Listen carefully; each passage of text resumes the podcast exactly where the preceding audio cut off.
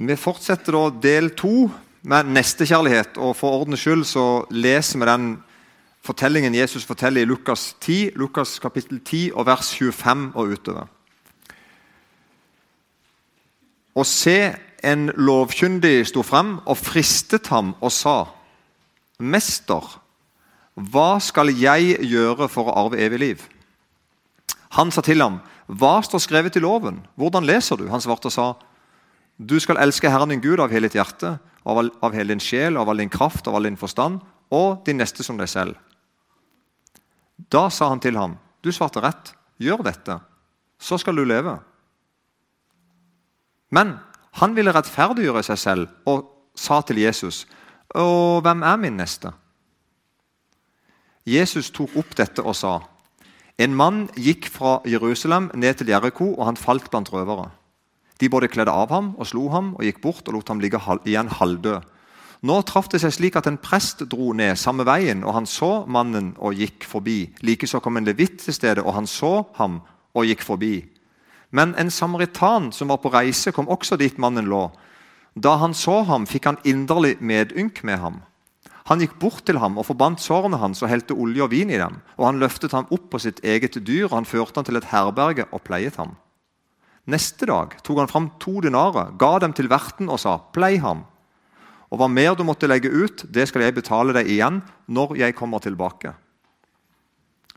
Og Så spør da Jesus, hvem av disse tre synes du nå viste seg som en neste for ham som var falt, var falt blant røvere? Han sa, 'Den som viste barmhjertighet mot ham.'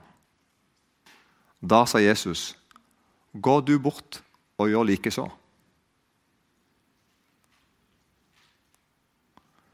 Bare helt kort fra forrige time. Dette er ikke en lignelse for at vi på en måte skal få sånn halvdårlig samvittighet for at vi bør kanskje bli litt flinkere til ditt eller litt flinkere til datt, eller kjenne litt mer sånn og sånn. Det er langt forbi det. Og dette er, heller, dette er heller ikke en lignelse som skal få, få oss til å diskutere ting som er helt greit å diskutere. Bare så det er sagt, Men det er ikke det denne lignelsen vil. Å diskutere f.eks. hva vil det egentlig si å elske seg sjøl, Eller hvem er min neste? Altså Underforstått det er ikke alle, det er bare noen som er min neste. Så hvem er de? Nå leter jeg etter nesten min, og så skal jeg finne den. Dette er ikke en lignelse for å finne ut på en måte hvem er de får utvalgte. Og Dette er heller ikke en lignelse som skal få, få oss til å diskutere med som, hva vil det egentlig si å elske sånn egentlig. eller noe sånt. Det er en veldig konkret lignelse. Og På Jesus' i tid så forsto de han altså sånn at de, de forsto budet om å elske seg selv, nesten sin som seg sjøl med å spørre hvem er min neste. Og nå kommer poenget, da. At på den måten så ser det ut som at vi egentlig tar Guds ord på alvor. Du liksom sier at ja, Gud, jeg vil gjerne elske min neste hvis bare du forteller meg hvem det er. Er du med? Og så plutselig står jeg liksom og ser veldig sånn kristelig ut. egentlig. Ja, Jesus, jeg vil gjerne elske nesten min som deg sjøl. Nå må du bare fortelle meg hvem i alle verden er det. Og så på en måte tilsynelatende tar jeg Jesus på alvor. Det blir litt sånn Hadde vi bare visst hvem vi skulle elske, så skulle vi selvfølgelig ha gjort det. Er du med? Det er det som inntrykket vi gir. Eller hadde jeg bare visst hvordan jeg skulle elske dem, så skulle jeg selvsagt ha gjort det.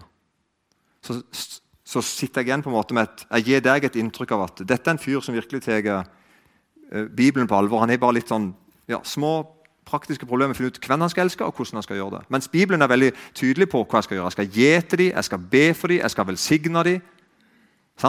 Det er helt kjempelett å forstå hva Jesus sier. Kjærligheten som Jesus skisserer, er kjempelett å forstå. Det er gjerninger, det er handlinger, det er holdninger. Helt ned i det daglige. Den verste er denne her. Vi sier litt sånn Vi kommer nok aldri til å elske sånn som vi skulle. Det er den drøyeste jeg hører. Vi bøyer hodet og sukker litt, og så sier vi etter hørt om nestekjærlighet Nei, dit kommer nok aldri jeg. Og så hører vi her jeg skrevet her da, det går et sukk gjennom forsamlingen. Er dere med på? Ser dere for dere bildet? Du bøyer hodet og sier det, da. Nei, jeg kommer nok aldri til å elske sånn som jeg skal. Og så går det et sukk gjennom forsamlingen, og så viser det seg at det er ikke et skammens sukk som i åh, Tenk at ikke vi gjør det. Det er et lettelsens sukk. Åh, takk og lov at jeg skal slippe å elske min neste som meg sjøl. Er du ikke med? Dette er uhyggelig. Har du gjort sånn? Jeg har gjort sånn.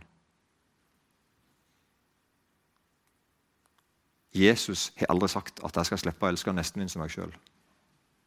Og han kommer aldri til å si det. Han mener det av hele seg, og han har vist det av hele seg. Og han forteller det til deg av hele seg. Jesus sier faktisk altså sånn Du skal elske Herren din Gud av hele ditt hjerte, av hele din sjel av all din forstand. Dette er det største og første budet. Men et annet er like stort. Du skal elske din neste som deg sjøl. På disse to budene hviler hele loven og profetene. Det har Jesus slått fast. Og som Lars Paulus også sier, hele loven er oppfylt i ett bud i dette. Du skal elske din neste som deg sjøl. Det må vi bøye oss for. Kjære Jesus, snakk til oss. Og jeg ber deg om at jeg må ja, stoppe meg for de religiøse frasene jeg har, for å komme, på en måte, komme unna budskapet ifra deg. La meg stå ansvarlig innenfor deg, Jesus. Lær meg dette. Det ber jeg om for ditt navns skyld. Amen. Så Jesus tar et oppgjør med den der ikke-kristne kjærligheten. Som, som er, og det er en kjærlighet. Det er kjærlighet, det er fint, men det er, det er på en måte ikke, det er ikke en kristen kjærlighet. Det er en gjensidighetskjærlighet. det vi hadde med i sted. At hvis du er grei med meg, så skal jeg være grei med deg. Den type kjærlighet tar Jesus på en måte et oppgjør med å si at de, min kjærlighet til Jesus, og den kjærligheten som mine barn har, den er annerledes enn dette. Større enn dette, bedre enn dette, høyere enn dette. Eller hvis du ikke er slem mot meg, så skal jeg ikke være slem mot deg. Og så litt sånn, Men hvis ikke, hvis du, bry, hvis du bryter dette her, nåde deg. Stakkars deg. Hvis du bryter den, den avtalen her, da er det slutt på kjærlighet, gitt. Det ligger jo på en måte i det er på en måte en ikke-kristen kjærlighet. kaller jeg Det da. Det er kjærlighet, og det er fint, og det funker godt i skolegården. på en måte, ikke sant? Det kan holde lov og orden på veien, på E39 og sånn. Kjempefint. Men kristen kjærlighet er langt forbi det. Så da La oss altså i forrige time om Lukas 6, 30. Der sier altså Jesus 'Gi være den som ber deg, og krev ikke tilbake'. Ikke sant? Og som dere vil at mennesker skal gjøre mot dere, slik skal de gjøre mot dem. Og om dere elsker dem som elsker dere, hva er det å takke dere for? Også syndere elsker jo dem som elsker, elsker, jo dem, som elsker dem. Og Så fortsetter Jesus på en måte avdekke at jeg, jeg, snakker om en helt annen type kjærlighet enn den kjærligheten som handler om sånn gjensidighet. Det er poenget. Elsk deres fiender, gjør vel og lån bort uten å vente noe igjen. Da skal deres lønn bli stor, og dere skal være den høyestes barn. For han er god mot de utakknemlige og onde. Vær barmhjertige, liksom også deres far er barmhjertig. Så helterollen i historien fra Lukas 10 helterollen, En barmhjertig samaritan. Og nå har jeg da meg til å nevne bare tre andre. Hvis vi skal forstå hva det, det, det, altså det eksempelet Jesus bruker med en samaritan Jeg prøver meg da her, nå kan være bomme på, til, til, på lytteren nå, men jeg prøver meg på den, den barmhjertige muslim. Er du ikke med på uttrykket? Kanskje det hadde vært litt sånn radikalt for dere hørt. Vi er ikke vant med å sette deg inn i kanskje den gode konteksten der. Eller uh, den barmhjertige ateist. Kanskje det hadde vært uh, litt sånn rart folk har hørt. Hæ? Du forteller en fortelling om noen som ikke vi assosierer oss med, noen som egentlig vi nesten et motsatt bilde av. Så sjokkerende det Jesus gjør. Og så er jeg med Den barmhjertige katolikk kanskje noen synes det er verst. ikke vet jeg. Og det, ingen av disse tre her, gruppene her for å henge det ut. Det er mer for å henge dere ut. er du med? For å henge våre holdninger ut. Jeg vet ikke hvem du ville ha satt inn på en måte som hadde vært sjokkerende for deg å hørt om at Nå forteller Jesus en fortelling om en fyr som på en måte er helten i fortellingen. Og så er det en, på en måte for meg en antihelt. Det er det motsatte av en helt for meg. Og så snur Jesus ting helt opp ned. En samaritan er den som har helterollen i fortellingen. Er det ikke med? Det er sånn et revolusjonerende budskap for oss. Jesus altså setter en fiende inn i helterollen i fortellingen. Mannen i samtalen med Jesus han, han må innrømme når han spør om hvem av disse tre viste seg å være neste mot denne fyren som falt blant røvere. Var det presten, han som gikk forbi? Var det levitten, han som gikk forbi? Eller var det samaritaneren, han der fienden, men som allikevel stoppte og hjelpte han? Så må han der innrømme Nei, det var jo han siste, da. Han må innrømme at Det er han som jeg syns er min fiende. Han jeg ikke taler vel om. Han var den som viste seg å være neste.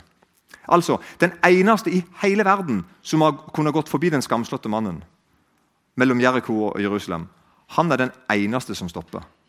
Er du ikke med? En enorm sånn rar vending denne lignelsen om fortellingen om den barmhjertige samaritan gjør. Jesus snudde sånn helt opp ned. Han var den eneste som kunne gått forbi. Han kunne til og med sagt at jeg, jeg vil sikkert fornærme han her hvis jeg stopper med han.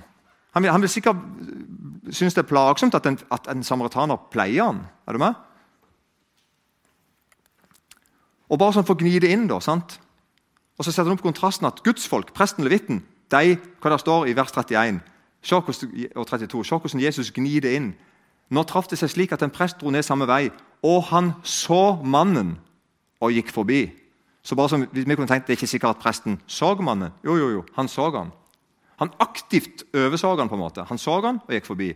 Og så Likeså kom en levitt til, stede, uh, levitt til stedet, og han så ham og gikk forbi. Bare sånn for å gni det inn. Enorm fortelling. Snudd helt på hodet. Han angrer sikkert på at han spurer han mannen. Så gudsmenn de skulle samme veien, de så den skada mannen, de kjente budet om å elske sin neste, de gikk forbi. Jesus gir dem ingen mulighet for å unnskylde seg. De står igjen som to skyldige i fortellingen. Overraskende skyldige. Og ikke bare det. Han her samaritaneren han redder livet hans der på stedet, og han risikerer sitt eget liv. jeg skrevet. Og med Det så mener jeg at det var ikke uvanlig at det lå noen kjeltringer og venta på nestemann som kom for å hjelpe denne her mannen. ikke sant? Så Han kunne godt ha risikert at han stoppet for å hjelpe en mann som var slått ned, og så lå det et bakhold og tok han òg. Så bare det å stoppe der altså, Samaritaneren satte livet sitt på spill egentlig, i utgangspunktet, for en fiende. Han bruker resten av dagen på han, han tar omsorg for framtida hans. Han betaler hele kostnaden, og han gir seg ikke på en måte før han her blir frisk. Jeg kommer tilbake igjen, og Hvis ikke, det, hvis ikke han er frisk da, så skal jeg hjelpe han enda mer. Det er en, er jo en kjærlighet ut av en annen verden. Langt forbi det vi kan forvente. Og Samtidig gjør Jesus noe veldig rart i fortellingen. Noe spektakulært. Min neste blir den som hjelper meg. Er du ikke med på den? Jeg tenker ofte at Nesten min det er jo han som jeg skal hjelpe. Og så Her snur Jesus det opp ned og så sier han, nesten min det er han som hjelper meg. Er det ikke meg? Vi tenker ofte at min neste er den som trenger meg, og det er det. Men det vidunderlige er at det òg er motsatt. Min neste er den som jeg trenger. Er det ikke meg? Fantastisk Gud. Når Gud skaper deg, så setter han et vern av bud rundt deg. En ting er at Han sier at ingen skal stjele ting ifra deg, ingen skal baksnakke deg, ingen skal lyge på deg, ingen skal ta ifra deg ektefellen din, ingen skal ta ifra deg livet ditt. Sett opp de ti bud og mange andre bud. Og Det gjør Gud for å beskytte deg. Han, han ikke bare sier 'jeg er glad i deg', og sånn, men han, deg, han, setter et vern rundt deg med regler som jeg må forholde meg til, og du må forholde deg til. Og så gjør han enda mer. Han ber meg om at jeg må elske deg sånn som jeg elsker meg sjøl. Er du med? Kan du tenke deg noen større Gud enn det? En haug med sånn dagligdagse regler skal si, som ivaretar deg og den personen du er. Sånn at du skal føle deg trygg og forstått og elska osv. Og, og så sier han til meg at du, du skal elske den personen sånn som du elsker deg sjøl. Med samme type omsorg, samme type omtanke. Legge merke til akkurat like mye som du legger merke til hos deg sjøl. Og Da blir altså livet på en måte ukrenkelig fra Guds side. Han gir dette vernet til mennesket. Og Dette er det fantastiske med kristendom. tenker jeg. Og dette er det fantastiske med nestekjærlighet. At vi har en Gud som setter dere, sånn, setter dere i, i, et sånn type fellesskap. Jeg er pålagt av Gud å elske deg sånn som jeg elsker meg sjøl. Og du det samme mot meg. Vi er hverandres neste. Det høres ganske greit ut. Hvis vi får dette her til, så ser det ganske fint ut. Hæ? Eller himmelen, som det heter. Sånn til slutt. Seriøst? Det er helt utrolig. Og Dette innebærer altså at om du er et foster, eller om du er en ungdom, eller om du er gammel eller om du er ung, eller om du er sterk eller svak, eller fattig eller rik, eller mann eller dame, eller konge eller kjeltring eller, skjønner du, Samme hvem du er, så har Gud satt dette vernet rundt deg. Du er min neste. Du er min neste. Og jeg skal elske deg sånn som jeg elsker meg sjøl. Helt fantastisk. I akkurat nå i Nederland Dette, dette la seg i Dagbladet Dagen i mars 2019, så det jo, kunne vært i går, eksempel. Men det var ikke i går, det var kanskje to uker siden. Eh, men da la seg der at i Nederland er det hver dag 2000 mennesker altså da i snitt, som googler setningen 'Jeg vil dø'. Er ikke med? Det er en som heter Jakob Wies. Han jobber i det der, Har du ikke hørt om omgud.nett, som Indremisjonsforbundet har? Det fins i Norge på norsk, omgud.nett, og så fins det i en haug med land i hele verden. Og Sjefen sjøl er fra Nederland, og han forteller om heimlandet sitt. At i, i Nederland er det sånn at det er 2000 i snitt hver dag som sitter foran sin PC eller sin mobil og googler 'Jeg vil dø' for å se mulighetene for. I Nederland er det sånn at du kan få hjelp til det da, hvis du vil. Tenk hvis du kunne møte, og jeg kunne møte noen av dem og elske dem sånn som jeg elsker meg sjøl. Ta vare på hverandre, se hverandre, forstå hverandre, bruke tid på hverandre. Kjærligheten er praktisk, kan gjøre noe, det er ikke bare prat.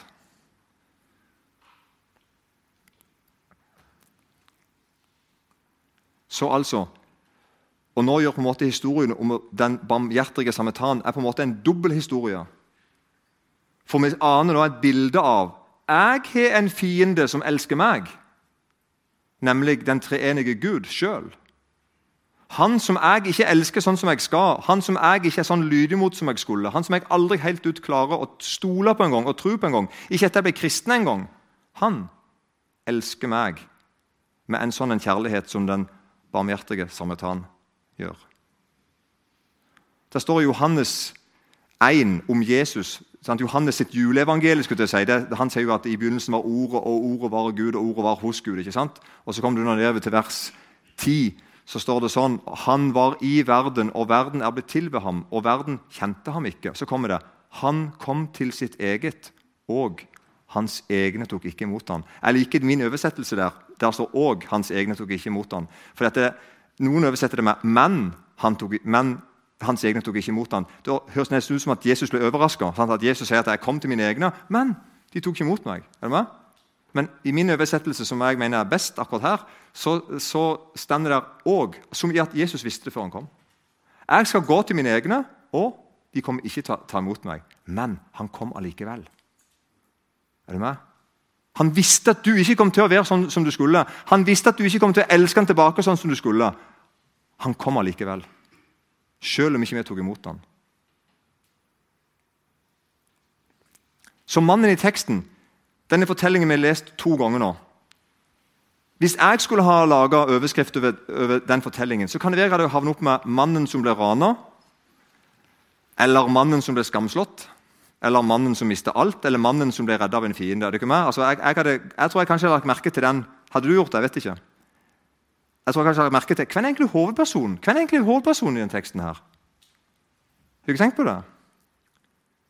Sånn egentlig, Fortellingen handler om en fyr som skulle det begynner med en fyr som skulle gå tre mil alene på en farefull ferd fra Jeriko til Jerusalem. ikke sant? Og så ble han slått ned. Han var halvdød. De tok alle tingene ifra han. Men liksom, så er liksom ikke han fortellingen handler om allikevel. Den barmhjertige samaritan ender vi opp med å kalle fortellingen. Og helt riktig, Hele historien handler om han. Alle de andre på en måte i fortellingen blir bare sånn statister. så De bare blir plassert der for å få fram han her samaritaneren, han som vi egentlig ikke liker og egentlig ikke, ikke kjenner og egentlig ikke vil ha noe med å gjøre. Han blir plutselig hovedpersonen. Og ikke bare det. Hans gjerninger, hans måte å være på, blir det som blir det interessante for oss. Hvem han er, hva han gjør, hans kjærlighet.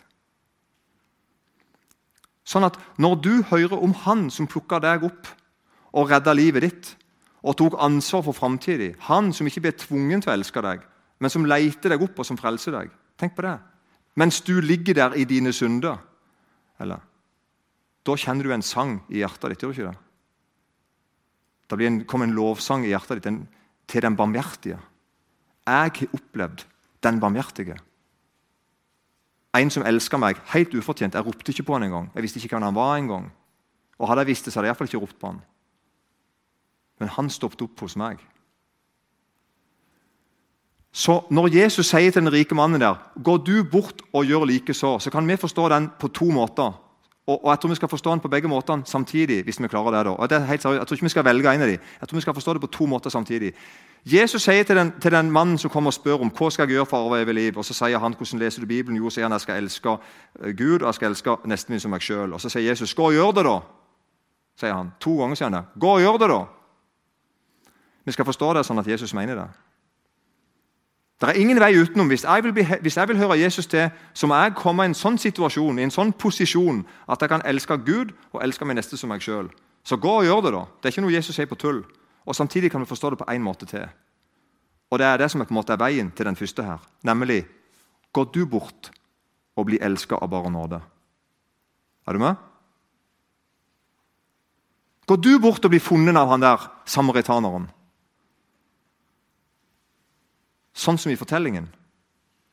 Eller går du bort og blir funnet i din ulykke, i dine synder, i din ugudelighet, hva det måtte være. I din skam, eller hva det måtte være. Jesus på en måte sier til deg gå du bort og bli funnet av den barmhjertige samaritan. Eller går du bort og la han bære deg trygt hjem? Er du med? Eller går du bort og lar han ta omsorg for deg? Akkurat som han samaritaner sa at her har du penger til nå, til noen dager. Og er ikke det nok, så skal jeg betale når jeg kommer tilbake. For jeg kommer tilbake. Jeg tar omsorg for deg helt hjem. Sånn en venn har du i Jesus. Han kommer tilbake, og du skal aldri bli til skamme. Du skal ikke angre på det at han henter deg opp. Går du bort og likeså. Og det er deg, det er du som vil blitt møtt av en sånn kjærlighet. Og det er bare du som kan elske nesten som deg sjøl. For du har møtt en som elsker på den måten, og du har erfart det på kroppen. Og da får du en helt sånn Ja, du blir rett og slett født på ny. Du blir født av Gud. Du blir født ovenifra. Du kan, begynne å gjøre, du kan begynne å elske sånn som Gud elsker. Og Det er ikke sikkert vi opplever det at det, at det er så rart. eller Det kan være med kristne tenker at det er ikke så spesielt, det der jeg har. det er feil. Det er kjempespesielt. Og verden legger merke til det. Når du elsker sånn som Jesus gjør, så blir du lagt veldig veldig merke til. Enormt. Folk snakker faktisk om sånne som deg, som elsker fiender, og ber for de som forfølger deg, og velsigner de som forbanner deg. Du skiller deg aldeles ut. Du er ikke som noen andre. Og du ligner faktisk på Jesus. Så det er et kjennetegn på Guds barn at du vil elske nesten din som deg sjøl. Du sier 'jeg vil det'. Jeg vil elske deg som meg sjøl.